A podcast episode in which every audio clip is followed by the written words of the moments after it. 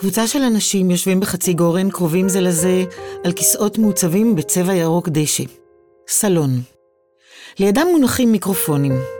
התפאורה, שטיח, שלושה עציצים ירוקים גבוהים מפלסטיק, שלוש מנורות נייר אורז מפזרות אה, אור עמום ונעים, ושולחן אליפטי לבן נמוך וארוך, שעליו מונחים כמה מכשירי רדיו, טרנזיסטורים, טייפ בומבוקס ישן וחבילת טישו. בחדר מפוזרים רמקולים גדולים.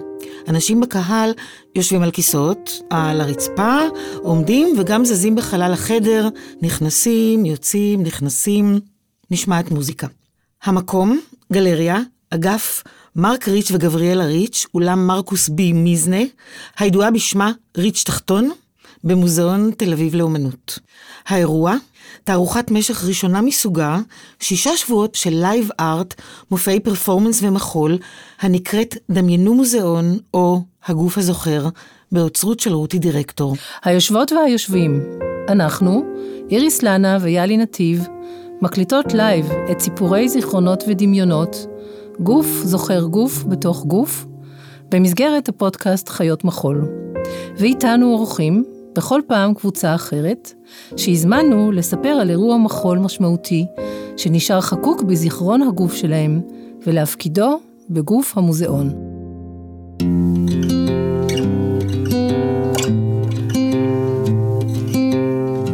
בינואר-פברואר 2023 העברנו את זירת הפעילות שלנו למוזיאון תל אביב לחודש וחצי להופיע עם הפודקאסט.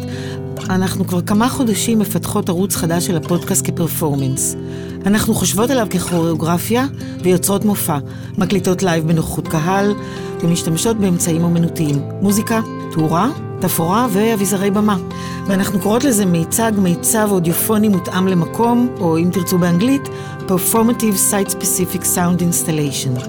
אנחנו אוהבות לחשוב על המהלך הזה גם דרך המושג העכשווי, קוריאוגרפיה כפרקטיקה מורחבת, משום שהוא מרחיב גם את הפעולה הסטנדרטית של פודקאסט, ראיונות ושיחות עם אנשים באולפן, בסטודיו או בבית, ומותח את מושג הקוריאוגרפיה ואת הציפייה לתנועות ולמבנה מחול מסוגננים ומקודדים. התפיסה הזאת של פרקטיקה מורחבת מציעה את המעשה הקוריאוגרפי למרחבי פעולה אחרים, ומנסחת מחדש את החוויה של מבצעים ושל קהל. במרחבים החדשים האלו אנחנו מתמקמות. בסיפורי זיכרונות ודמיונות במוזיאון אנחנו מאזינות לסיפוריהם של 65 אנשים מעולמות המחול, התנועה והאומנות, שמתארים את הזכור בגופם כצופים, יוצרים או משתתפים. הסיפורים מסרטטים מפה מרובדת, אקלקטית של היסטוריות, שמסמנת את הזיקות ביניהם, אנקדוטות, מקומות, מושגים, אירועים, אנשים, בארץ ובעולם. בפרק זה מוזכרים חיליק דוד, מורה לג'אז. בית הספר של בדור. מוזיקה ג'אז, אוסקר פיטרסון, מיילס דייוויס. ארכיון להקת המחול בת שבע. Everything Must Go משנת 2022, קוריאוגרפיה דנה רוטנברג. Research איגור קרוטוגולוב. פסטיבל אינטימה דאנס 2011, תיאטרון תמונה. סתיו מרין. תיאטרון מחול ענבל. מדבר, משנת 1958, כוריאוגרפיה שרה לוי תנאי לתיאטרון מחול ענבל. מרים קופמן. יעל שלומי, מנהלת מגמת מחול בפתח תקווה. שיחות בגוף ראשון, משנת 1986, קוריאוגרפיה תמר בן עמי, בביצוע סלי אן פרידלנד. שלום, קוריאוגרפיה רננה רז, במסגרת מגמת המחול בפתח תקווה, 1990 או 1991. בית ספר למשחק בית צבי. ציפורנים מ-1980, קוריאוגרפיה פינה באוש, הופעה באמפיתיאטרון בקיסריה. פלמנקו. סביליה, ובספרדית סביה. חואנה אמאיה. ביאנל הפלמנקו. אנטוניו קנאלס. המופע מינוטאורו, פרוקיטו. פלמנקולוגית.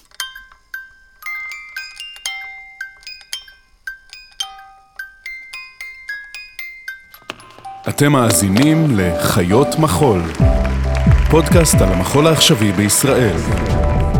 חיות מחול עם איריס לנה ויאלי נתיב. הפרק הוקלט לייב במוזיאון תל אביב לאומנות ביום שבת, ה-11 בפברואר 2023, בשעה 2 בצהריים. שלום לנמצאות איתנו היום דנה רוטנברג, אור מרין, רננה רז, אמיתי יעיש בן אוזיליו ועידית סוסליק.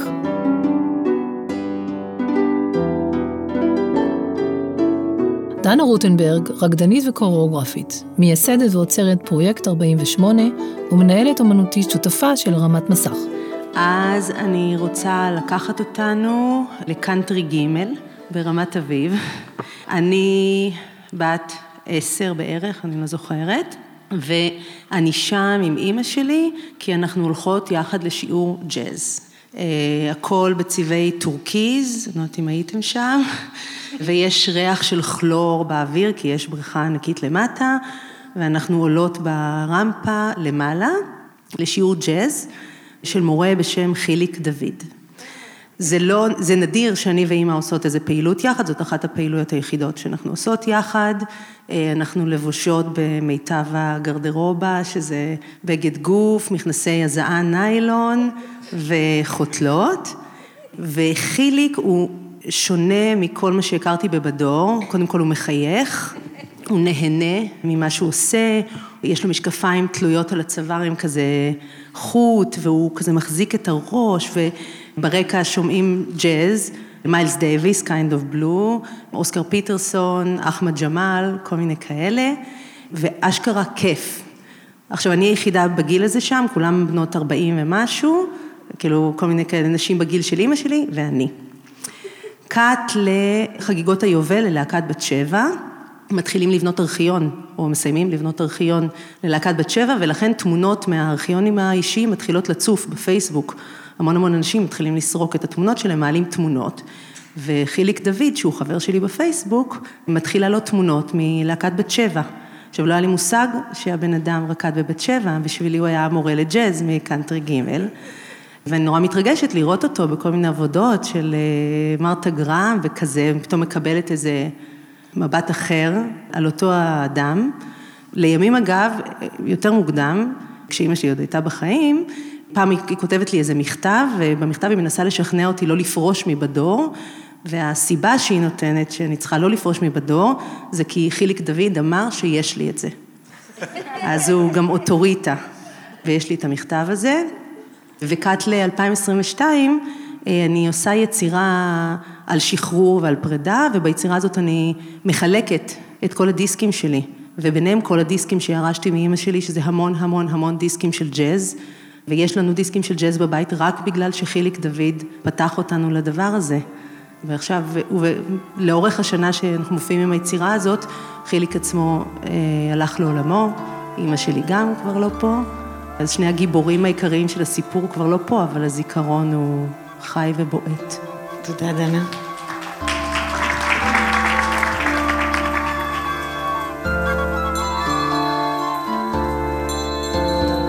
אור מרין, כוריאוגרפית, מנהלת אומנותית של ריסרצ'. אז המוזיקה המהממת הזאת זה איגור אה, קרוטוגולוב, באלבום שנקרא White.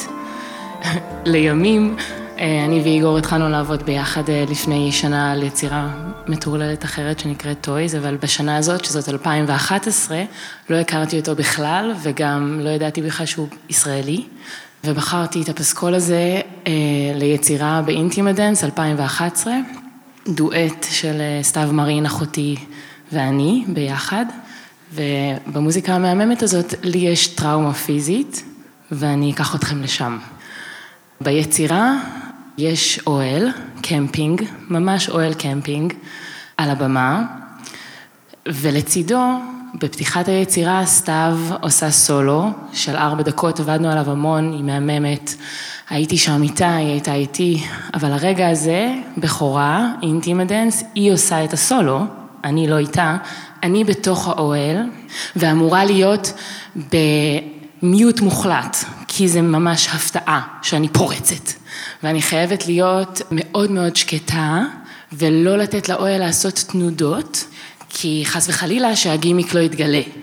ומצד שני, אני צריכה לפרוץ בעוד כארבע דקות, בשיא העוצמה, אז גם לא יכולה להירדם, צריכה להיות באיזה אנרגיה, אז שוכבת על הגב, על אוהל שחתכנו לו את הרצפה, אז בעצם על הרצפה של תיאטרון תמונה, מבט אל גג האוהל הפתוח אל הפנסים, בתוך אוהל קמפינג על הגב ומייצרת כל מיני תנועות בלתי נראות של אחיזת טונוסים ומצמוצים ופתיחה סגירת לסתות כדי לשמור את האנרגיה, לשמור את האנרגיה מבלי שתהיה חס וחלילה תזוזה באוהל, כי אחרת תתגלה הגימיק ואז כל היצירה נהרסת.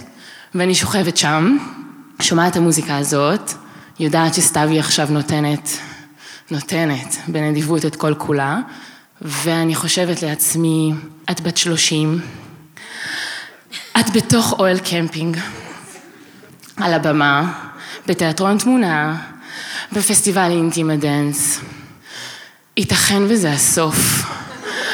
ייתכן ואת צריכה ללמוד מהמעשים שלך ומהפעולות שלך, שאת לא רוצה להיות על הבמה יותר, כי אחרת את היית על הבמה עכשיו, ולא מתחבאת ללא תנועה ובאחיזת טונוסים מתחלפים בתוך אוהל קמפינג. כנראה שיש משהו שאת צריכה ללמוד מהרגע הזה.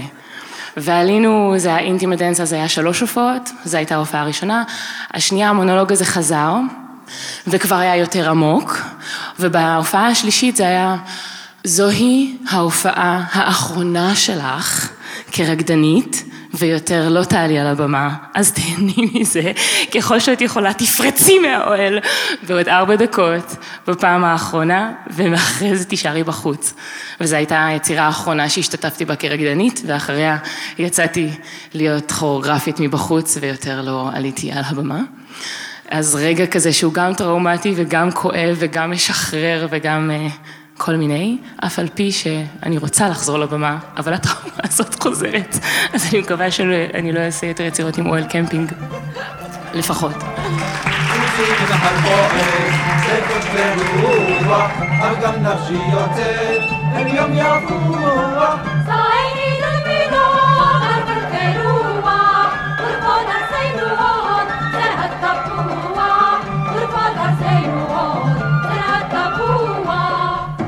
רננה רז, יוצרת רב-תחומית, קוריאוגרפית ורקדנית. לאחרונה יצא לי לעבוד עם להקת ענבל, וצפיתי המון בארכיון של הלהקה, והיה שם אה, קובץ שקראו לו ותיקי ענבל מנסים לשחזר את היצירה מדבר. וזה איזה וידאו של שעתיים, שבהם ותיקי הלהקה נפגשים לשחזר איזו יצירה, שבעצם היא לא מתועדת, אין תיעוד שלה. ומה שמדהים זה שבסופו של דבר, הם מנסים בכל מיני דרכים, הם מנסים להזכיר לעצמם, הם מנסים לעלות על הבמה ולעשות, הם מנסים להביא את המוזיקה ולנגן אותה כדי שאולי הגוף יזכור משהו, הם מנסים להעלות רק את הגברים, רק את הנשים, מדברים אחד עם השני, מנסים למצוא מחברות, מביאים את המנהל הטכני שיביא את הקיואים של התאורה, אולי דרך הקיואים של התאורה הם ייזכרו. ובסופו של דבר, אחרי שעתיים, התנועה היחידה שהם נשארים איתה, זה איזו תנועה כזאת שלא רואים את זה ברדיו מן הסתם, אבל כמו מין הליכה של גמל. וזה גרם לי לחשוב על מה, זה דבר נורא מעניין, כשהזיכרון הולך לאיבוד, מה הדבר בסופו של דבר שהוא חוזר אליו, שהוא נאחז בו. וניסיתי לעשות אותו דבר עם עצמי, אמרתי, אם עכשיו אני צריכה לחזור לאיזה רגע תנועתי שאני זוכרת אותו בגוף של חוויה, מה זה הרגע הזה? כי יש המון רגעים שאני זוכרת. וככה התרכזתי ומצאתי את עצמי בפתח תקווה, בתחילת שנות התשעים.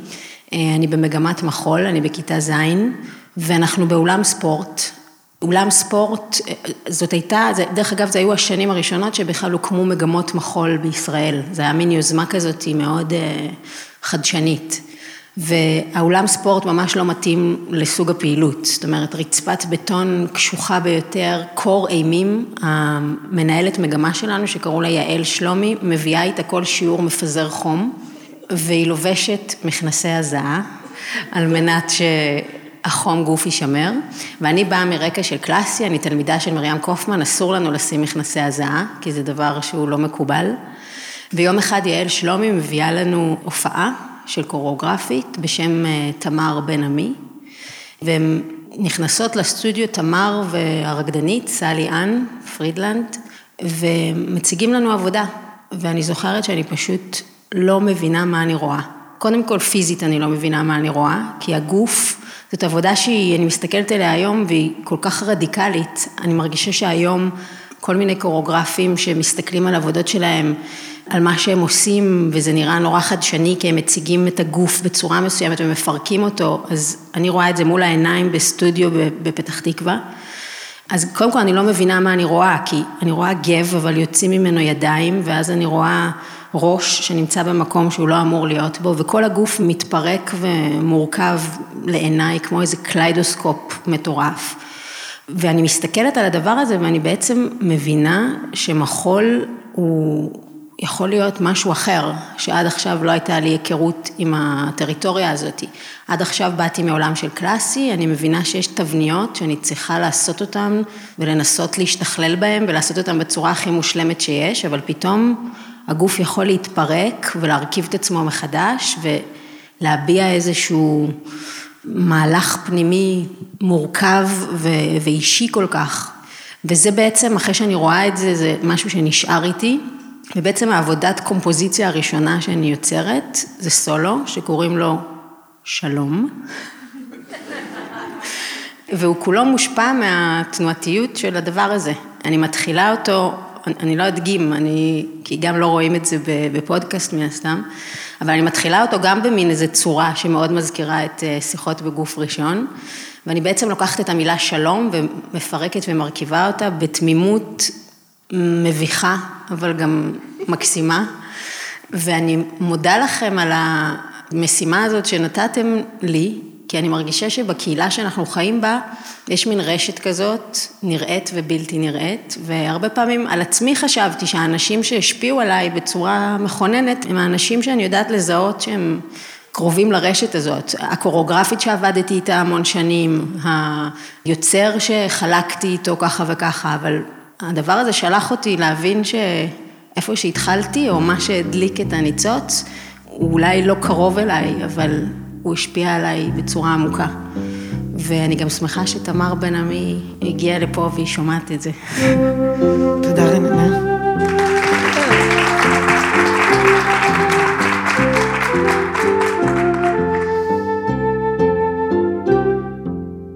עמיתי יאיש בן עוזיליו, שחקן, יוצר, מנהל אומנותי לשעבר של פסטיבל בת ים ומנהלו האומנותי החדש של תיאטרון הנגב. אני אה, סטודנט למשחק בבית צבי, מגיע לשם אה, אחרי שעזבתי את הבית הדתי, כאילו לא ראיתי תיאטרון כמעט לפני, המחזה הראשון זה היה בשנה הראשונה כשהגעתי לבית צבי. וכסטודנט למשחק לוקחים אותך ומביאים אותך לכל מיני מקומות, אתה כמעט ולא מחליט מה אתה הולך לראות. ואומרים לנו שביום שני לוקחים אותנו לפנינה בקיסריה, ואנחנו עולים, עולים לאוטובוס ויורדים בקיסריה, ואני נכנס לתוך האמפי בקיסריה, ואני רואה ציפורנים לאורך כל הבמה. זה כבר היה מחזה מוזר, ואני יושב שם, והמופע מתחיל, וקורה לי משהו פיזית. פתאום משהו מתחבר לי בחיבור הזה בין הגוף ואני, כל מה שאני רואה על הבמה, אני משלים טקסטים של מחזות כל הזמן. אני רואה מישהי רצה לגבר ואני משלים את הטקסט אליה, ואני חושב שאולי הישיבה, ואני רואה גם את הרדיו כאן, הרדיו הישן שעומד פה, הישיבה של הבחור, שם את התקליט של שיר ישן, Sometimes you're gone alone, ומתחיל לעשות את התנועות, ואני מרגיש פתאום מין איזו הבנה או איזושהי אה, אה, הכרה. של מה שהיה חסר לי. כאילו, כל הזמן הסתובבו לי כל מיני משפטים וטקסטים, וזו פעם ראשונה שראיתי חיבור בין טקסט לבין גוף, ומיד אחרי כן אה, אנחנו חוזרים, אבל אני בשנה שלישית עושה את אה, חלום ליל קיץ, שחר סגל מביים, ואני מקבל אה, לשמחתי את פוק, ומרגיש שאני מתחיל להתחבר בין הגוף שלי לטקסט ומתחיל לדבר את זה. ואני חושב שזה אחר כך השפיע עליי לאורך כל התקופה בחיבור בין תיאטרון לבין מחול. אני קופץ כמה שנים אחר כך, אני אה, בפריז עם אה, מי שהייתה אשתי, גילי בן אוזיליו, ואנחנו יורדים לרכבת ואנחנו רואים הודעות, 2009 אני חושב שזה היה, או 2008, פינה באוש, פינה באוש מופיעה, מה זאת אומרת, אני בפריז והיא מופיעה, אני לא הולך לראות, אבל אין כרטיסים. עשינו מין מודעה כזאת, עמדנו, אין לנו כרטיסים, נשמח לכרטיסים, אנחנו עומדים שם על המדרגות, ופתאום בא אלינו בחור, הגלגל, חייכן, אלבז, מעצב התלבושות של פינה באוש, אה, אלבז מאשדוד, השם שלו? אלבר, אלבר אלבז, מחבק אותנו, מחבק את גילי. ונותן לנו זוג כרטיסים, ואנחנו נכנסים למופע, ובסוף המופע אני גם מכיר לנו את פינה, כאילו, ואנחנו עמומים, ואני מרגיש כאילו שנפלתי עוד פעם, כמו בבית צבי, נסגר לי המעגל, והשאיר לי את החותם הזה. וזה הולך איתי ככה, לאורך כל הדרך.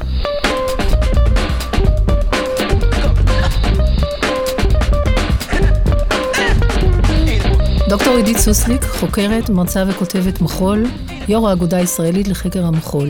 בעברה רקדנית פלמנקו. כל מי שמתחילה, נכנסת לעולם הזה של הפלמנקו פה בארץ, יודעת שהיא באיזשהו שלב צריכה להגיע לספרד. אצלי זה קרה בשנת 2002, הפעם הראשונה. זה היה חמש שנים אחרי שהתחלתי לרקוד, שזה זמן, לקח לי להבשיל עם הפלמנקו לאט. היחסים שלי איתו, אני חייבת להגיד, היו מורכבים, מסוכסכים בחלק מהזמן. הפלמנקו פגש אותי בחיים בהפתעה מאוד גדולה. העוצמות הרגשיות שלו היו בלתי נתפסות בעיניי והם אה, ממש הפחידו אותי. בתחילת הדרך הייתי בן אדם מאוד אחר אז, הייתי מאוד סגורה, מאוד אה, מפוחדת מהצל של עצמי. וגם uh, הגוף שלי החלים מטראומה בריאותית מאוד מאוד גדולה, שהפך את השנים הראשונות בריקוד למאבק מאוד גדול, כי הייתי כאובה כל הזמן. ומצד שני, ההתאהבות בפלמנקו הייתה טוטאלית. היא קרתה בשיעור החמישי שעשיתי, ואחרי השיעור החמישי הזה לא היה קיים שום דבר בעולם חוץ מפלמנקו. וחיכיתי וחיכיתי, אבל בעיקר ידעתי שאם אני נוסעת לפני, אז אני לא מסיימת תואר ראשון, אז אמרתי שאני צריכה לחכות ולסיים את התואר ואז לנסוע. ונסעתי והגעתי לסביה. ואין מספיק מילים להסביר מה זה להגיע למקום שהפלמנקו חי בו, זו שיחה, זה מרגש אותי נורא, חי בו ממש, לא בקטע של חי בסטודיו, אלא חי בכל מקום, בכל פינה. זה הבן אדם שהולך מתחת לחלון ושר פלמנקו, כי זה מה ששרים שם, וזה לשבת בבתי קפה שאנשים פותחים קוואדרו, גורן כזה, ופשוט מנגנים ושרים, וזה זה פשוט, זה כל כך זמין וזה כל כך שם, וזה נורא מציף, עדיין, מסתבר. אז זה מהדברים האלה, וזה גם מדברים הרבה יותר אה, קטנים וחסרי חשיבות, כמו חנויות דיסקים של פלמנקו.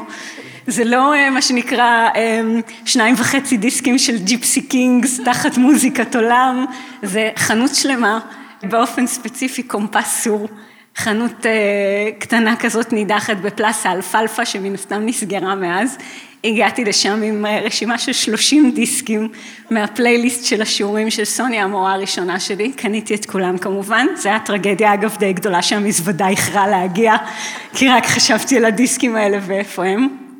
בנסיעה הראשונה הזאת אני נכנסת בפעם הראשונה לשיעור של חואנה אמאיה, שהיא המאסטרה שלי מאז. לחואנה יש סוניקטה, שאין תרגום טוב לעברית למיומנות הזאת, אבל זה בעצם האופן שבו היא מפרשת מוזיקלית את התיבה של המקצב, וזה, לא שמעתי אף פעם מישהו עושה את הדברים שהיא עושה. היא גאונה, אני עדיין חושבת שהיא גאונה, ואני עפה, כל דבר שהיא עושה אני לוקחת בשנייה, והאוזן שלי פתוחה לזה לגמרי. ולחואנה יש גם סטייל משלה שלא דומה לשום דבר שהכרתי פה. חואנה עובדת עם ידיים אה, פתוחות, כאילו בפלמנקו אנחנו תמיד רגילים לראות ידיים מעוגלות, וחואנה עובדת כאילו צ'ה, כזה מין. ואני, שעבודת הזרועות והידיים מעולם לא הייתה החלק החזק שלי בפלמנקו, אני הייתי יותר מכונת רגליים, פתאום אני מוצאת את עצמי שם, ואני לא מרגישה נחיתות יותר לעומת כל החברות שלי שיש להן זרועות הגלגלות כאלה ופלג גוף עליון שיודע להפיק דברים שאני לא יודעת להפיק אותם. והאמת שקולגה אמרה לי לא מזמן, היה לנו איזו שיחה, הגיע רקדן על חלל מספרד, והיא אמרה לו, אתה יודע שאם אתה רואה את עידית רוקדת, אתה תדע מי המאסטרה שלה, יש לה את הקטנות של חואנה. וזה מדהים איך זה פתאום פגש אותי. בנסיעה הזאת אני גם בפעם הראשונה משתתפת, ב... אה, משתתפת, הולכת לצפות בביאנל הפלמנקו, שזה הפסטיבל הכי גדול לפלמנקוס, לקהילה הזאת. אני רואה המון מופעים, אבל אחד נשאר במיוחד. זה מופע של אנטוניו קנאלס, אחד מהרקדנים הגדולים, ממוקם מאוד גבוה בפנתיאון של הפלמנקו, וקנאלס מציג ערב של שני חלקים. הוא החלק הראשון, noche de café cantante, כאילו לילה בבית קפה מזמר, מין אומנחה כזה, הומאז' לתור הזהב של הפלמנקו, אז יש להקה ויש שמלות נורא יפות ויש את ה peinetas המסרקיות ואת הטלטל, הרקדניות, הכל נורא כזה מקושט. והחלק השני, סולו של קנאלס Minotauro. קנאלס מפרש את סיפור המינוטאור מהמיתולוגיה היוונית למוזיקה של ביורק. הלם. למחרת אני הולכת לשיעור עם החברות שלי, הלכנו גם, עשינו שיעורים אצל אה, פרוקיטו, שהוא אחד מ...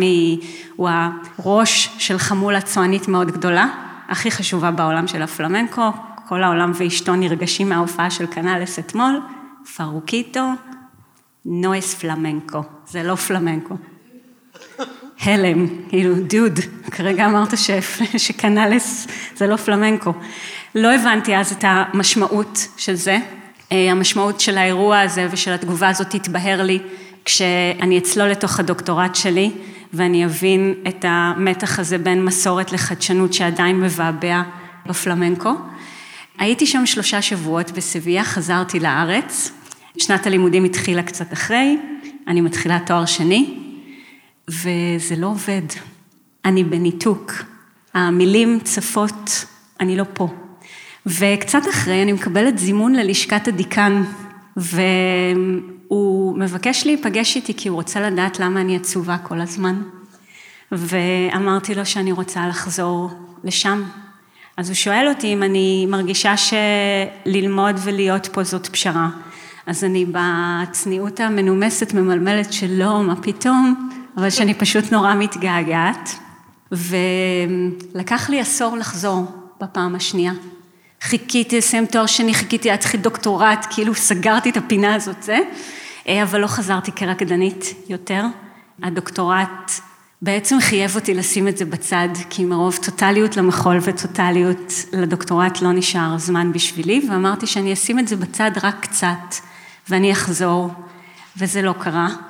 זה לא קרה כי החיים הובילו אחרת, והם הובילו למקומות מדהימים, אבל תמיד היה לי מין את תחושת ההחמצה הזאת, ש... לא חזרתי לסביה אף פעם כרקדנית שכבר הבשילה.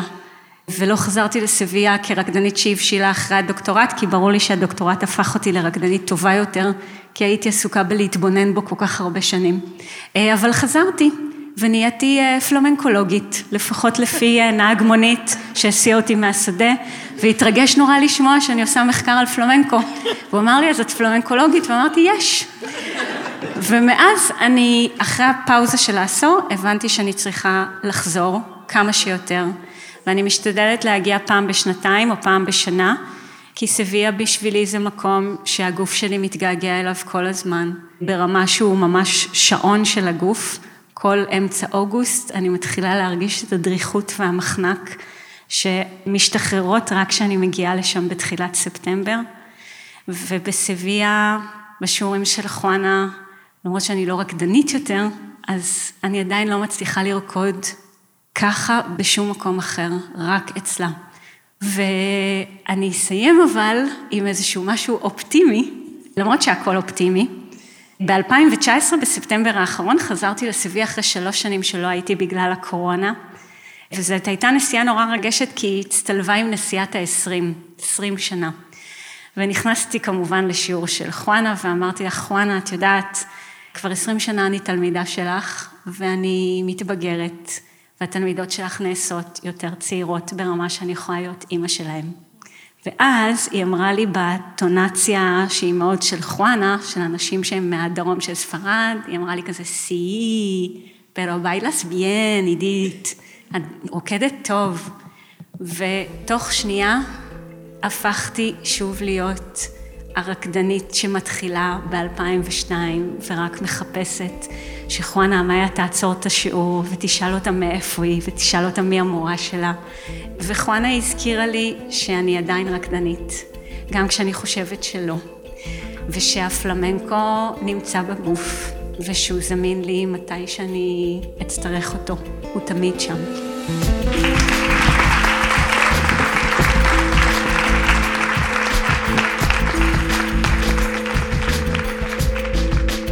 תודה לכם שהייתם איתנו, שיתפתם אותנו בסיפורים שלכם והפקדתם אותם בפודקאסט. תודה לרותי דירקטור, עוצרת אומנות עכשווית במוזיאון תל אביב. תודות לאודי גליניק, סאונדמן וצלם, שליווה אותנו במהלך ההקלטות. ללאו ליברמן ותמר אבן חן, תוכן רשתות חברתיות. לנדב ברנע על ייעוץ תאורה ותפאורה. לעידית סוסליק על עזרה בהפקה בצילומי סטילס ווידאו. תודה לזוהר זלץ מאולפני אשל. ולקהל שהיה עמנו והאזין לסיפורים. זהו פרק נוסף בסדרת סיפורי זיכרונות ודמיונות, גוף זוכר גוף בתוך גוף. ההקלטות נערכו במהלך ינואר ופברואר 2023 במוזיאון תל אביב לאומנות. בפרק הבא משתתפים ומשתתפות ליאורה בינג היידקר, עופרי כנעני, מיכל סממה, רן בראון ואלדד גרופי. איריס לנה היא חוקרת מחול, מרצה באקדמיה למחול ובסמינר הקיבוצים, ניהלה את פרויקט הקמת ארכיון להקת בת שבע, ואת תחום המחול בפרויקט שימור דיגיטלי של אוספי מחול בספרייה הלאומית. יאלי נתיב היא מורה וחוקרת מחול בהקשרים סוציולוגיים ואנתרופולוגיים. היא מרצה בכירה במכללה האקדמית לחברה ואומנויות, ASA, כותבת על חינוך לאומנויות, סוציולוגיה של הגוף, התנועה והמופע, ועל מחול והחברה הישראלית. מחקרה העכשווי עוסק ברקדנים מקצועיים מזדקנים. יאלי היא יושבת ראש עמותת הכוריאוגרפים.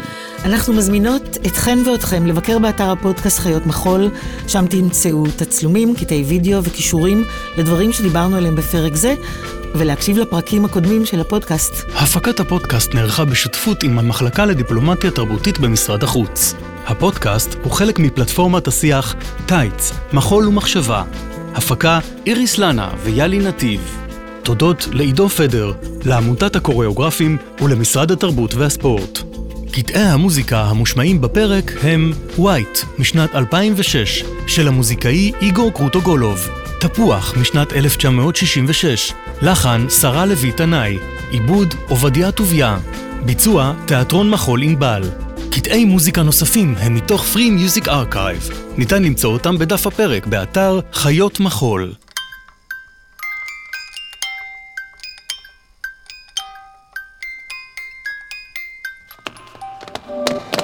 האזנתם לחיות מחול עם איריס לנה ויאלי נתיב.